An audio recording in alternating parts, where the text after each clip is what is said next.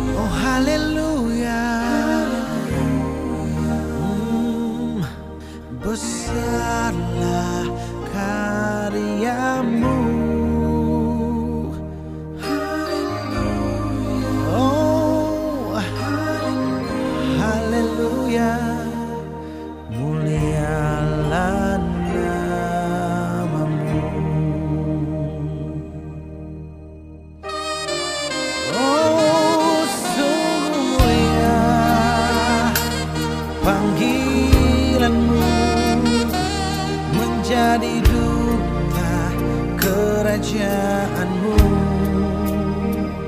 Membebaskan jiwa terbaik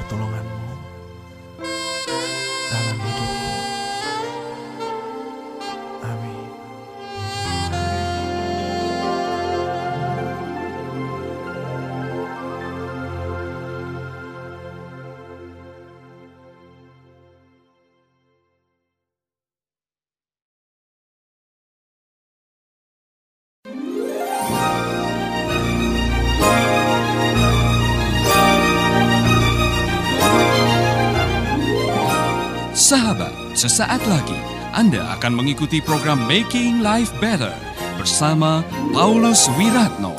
Selama 15 menit ke depan, Anda akan belajar membuat kehidupan lebih baik.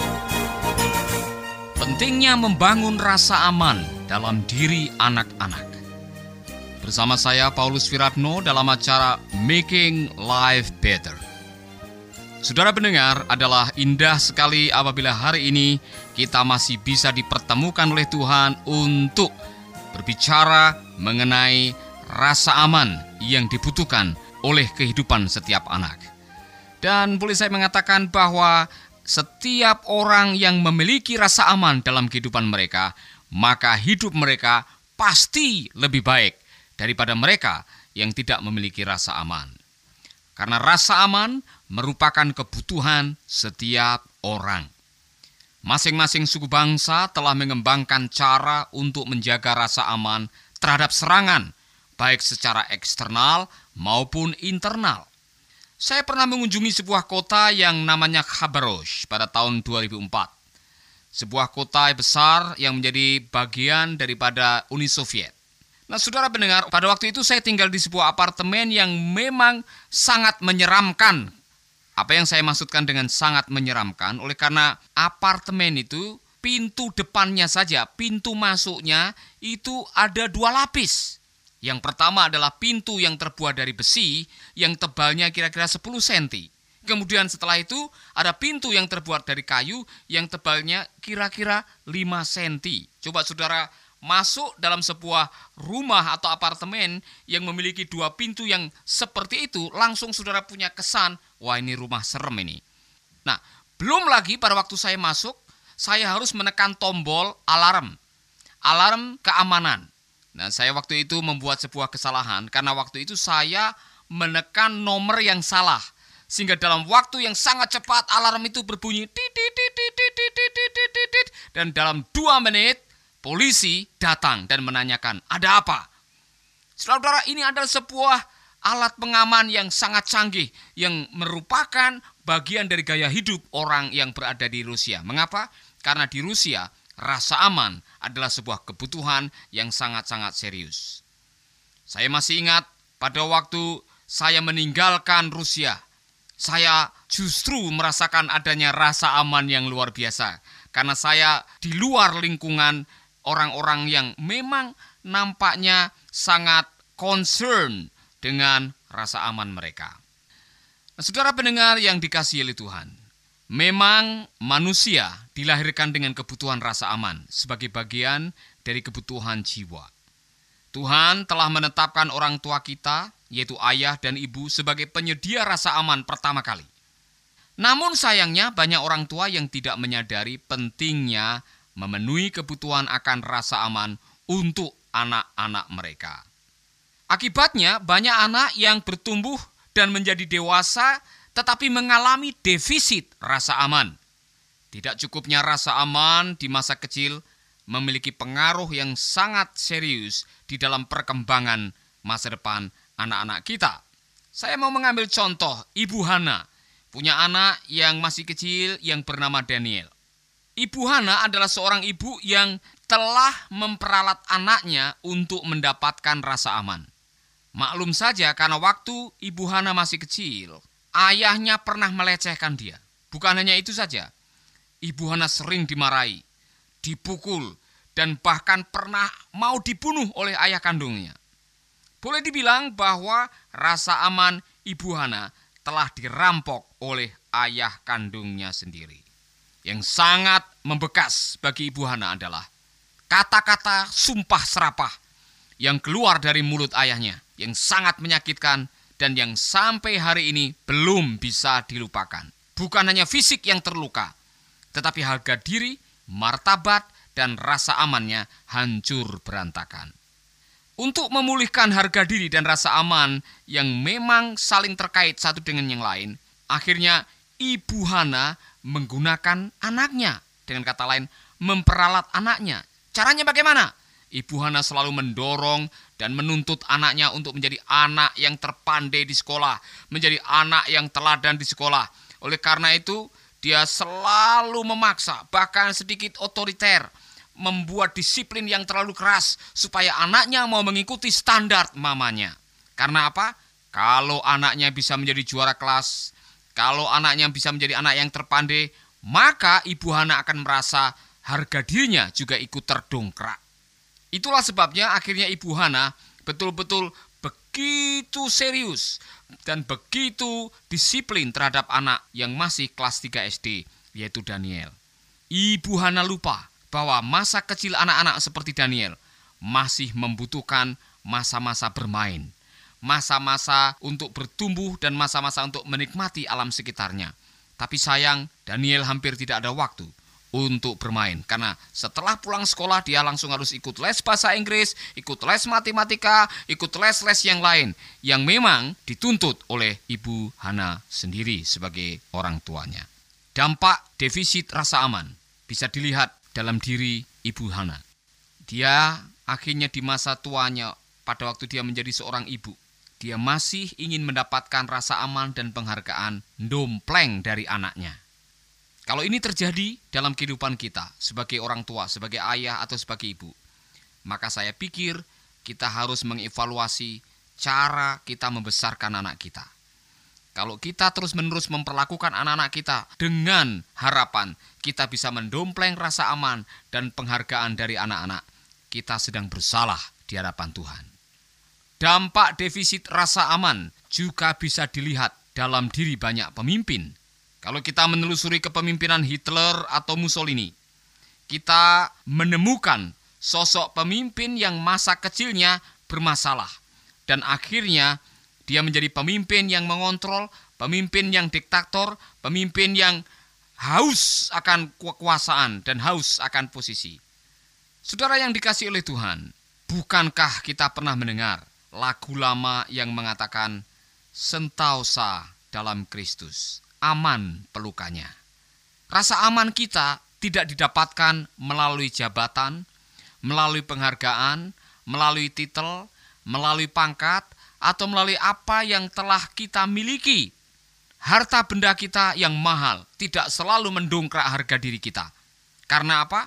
Kita sudah tahu waktu kita berada di dalam Kristus, maka nilai hidup kita sudah dipulihkan Rasul Paulus menggunakan istilah harganya sudah lunas dibayar. Sehingga di dalam Kristus kita tidak perlu lagi mencari-cari rasa aman. Kita tidak perlu lagi mencari-cari keselamatan. Karena di dalam Kristus sentausa, kelegaan, rasa aman ada di dalamnya. Bukankah dia mengatakan, marilah kepadaku hai kamu yang letih lesu dan berbeban berat. Aku akan memberikan kelegaan, kesentausaan, rasa aman, di dalam Kristus. Anda masih bersama Paulus Wiratno di Making Life Better. Bukan hanya itu saja, Kristus bahkan telah mendamaikan kita dengan Bapa di surga. Dan pada waktu pendamaian itu terjadi, maka kita sudah diangkat menjadi anak-anak Allah melalui Kristus. Kristus juga meminta kepada Bapa supaya Roh Kudusnya dikirimkan kepada kita untuk tinggal bersama dengan kita. Lalu, kalau Allah sudah bersama dengan kita, kalau kita sudah diperdamaikan dengan Bapa, kalau darahnya sudah menyucikan dan menebus dosa kita, kalau rohnya dikirimkan untuk menyertai kita, kalau janji-janjinya sudah dikatakan, diucapkan, dituliskan untuk menjadi jaminan hidup kita, rasa aman apa lagi yang saudara perlukan? di dalam Kristus kita mendapatkan semua rasa aman yang kita perlukan. Haleluya. Oleh karena itu, bagi para sahabat, saudara pendengar, kaum ayah atau ibu, para orang tua, yang mungkin memang kita punya masalah di masa kecil, tidak punya rasa aman, tidak ada rasa penerimaan, kurang dihargai, pernah ditolak. Di dalam Kristus, kita bisa menyelesaikan semuanya itu. Sementara saudara mendengarkan ulasan ini, mungkin saudara tertemplak dan saudara mengatakan, "Pak Paulus, saya memang tidak punya rasa aman yang cukup waktu saya kecil karena orang tua saya yang terlalu kejam. Saya pernah dilecehkan. Saya tidak punya harga diri yang utuh. Lalu apa yang harus saya lakukan, Pak Paulus?" Saudaraku, kalau memang engkau dengan jujur mengakui bahwa ada sesuatu yang harus dipulihkan, yaitu rasa aman atau penerimaan, yang mungkin memang hilang di masa kecil saudara. Saudara tidak perlu khawatir, saudara tidak perlu takut dan cemas. Mengapa? Karena Tuhan bisa memulihkan kita. Tidak sedikit orang-orang yang akhirnya dia bisa dipulihkan oleh Tuhan dan akhirnya mengalami sebuah pemulihan yang utuh dan luar biasa dan kemudian dipakai oleh Tuhan dengan cara yang luar biasa. Saudara, saya harus mengatakan dengan jujur, tidak adanya rasa aman itu pengaruhnya ke mana-mana. Bukan hanya mempengaruhi kita pada waktu kita menjadi orang tua, tapi juga bisa mempengaruhi bagaimana kita waktu melayani. Pelayanan kita bisa akhirnya berantakan, atau pada waktu Tuhan menempatkan engkau dalam posisi kepemimpinan, kita akhirnya bisa menyalahgunakan posisi kepemimpinan hanya untuk mencari rasa aman. Repotnya ialah kalau rasa aman kita terancam, maka akhirnya kita menjadi orang yang mengancam orang-orang yang ada di sekitar kita. Oleh karena itu, kebutuhan akan rasa aman adalah sesuatu yang sangat serius yang harus kita miliki dan nantinya harus kita bangun dalam diri anak-anak kita dan orang-orang di sekitar kita. Saya menemukan fakta bahwa orang yang memiliki rasa aman adalah orang yang berbahagia. Sama seperti tadi kasus yang saya temukan di Khabarovsk di Rusia. Saya melihat rasa aman adalah sebuah kebutuhan yang luar biasa. Di Rusia, saya mendengar bahwa satu dengan yang lain orang saling mencurigai. Sehingga rasa aman menjadi kebutuhan yang sangat-sangat dirasakan. Akibatnya apa?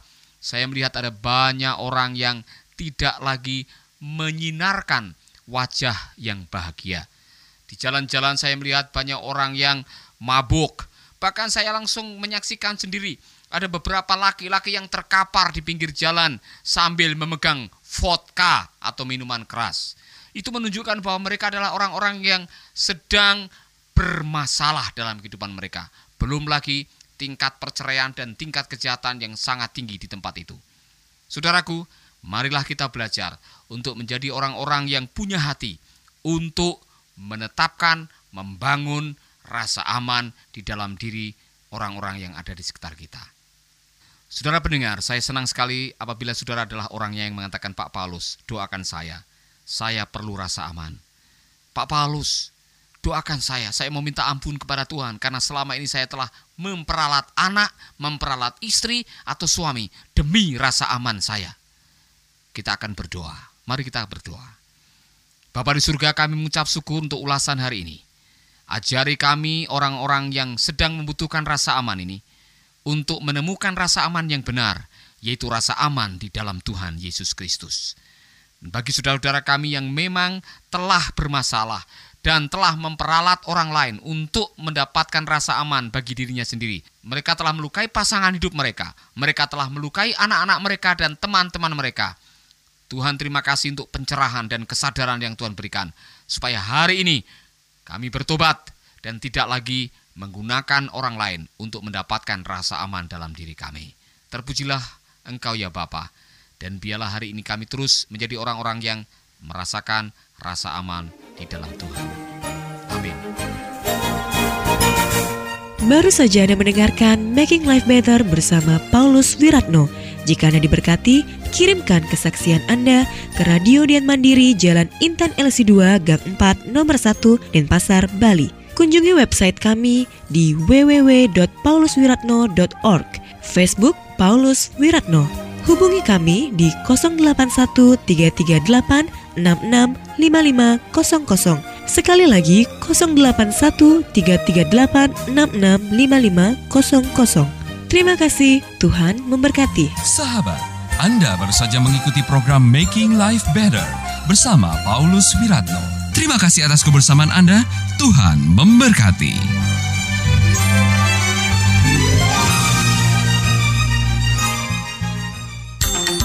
Kabar gembira bagi sahabat pecinta program Making Life Better dan Kata Bijak, mulai sekarang sahabat bisa mendengarkan program ini melalui handphone sahabat. Download sekarang juga aplikasi Making Life Better melalui Play Store atau App Store secara gratis.